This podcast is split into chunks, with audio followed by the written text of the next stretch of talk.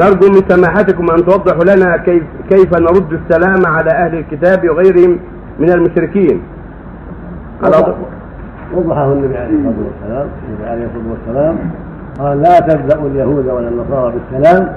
وقال إذا سلم عليهم أهل الكتاب فقولوا وعليكم. كان الرسول صلى الله عليه وسلم يأتي إليه اليهود ويسلمون ويقول وعليكم.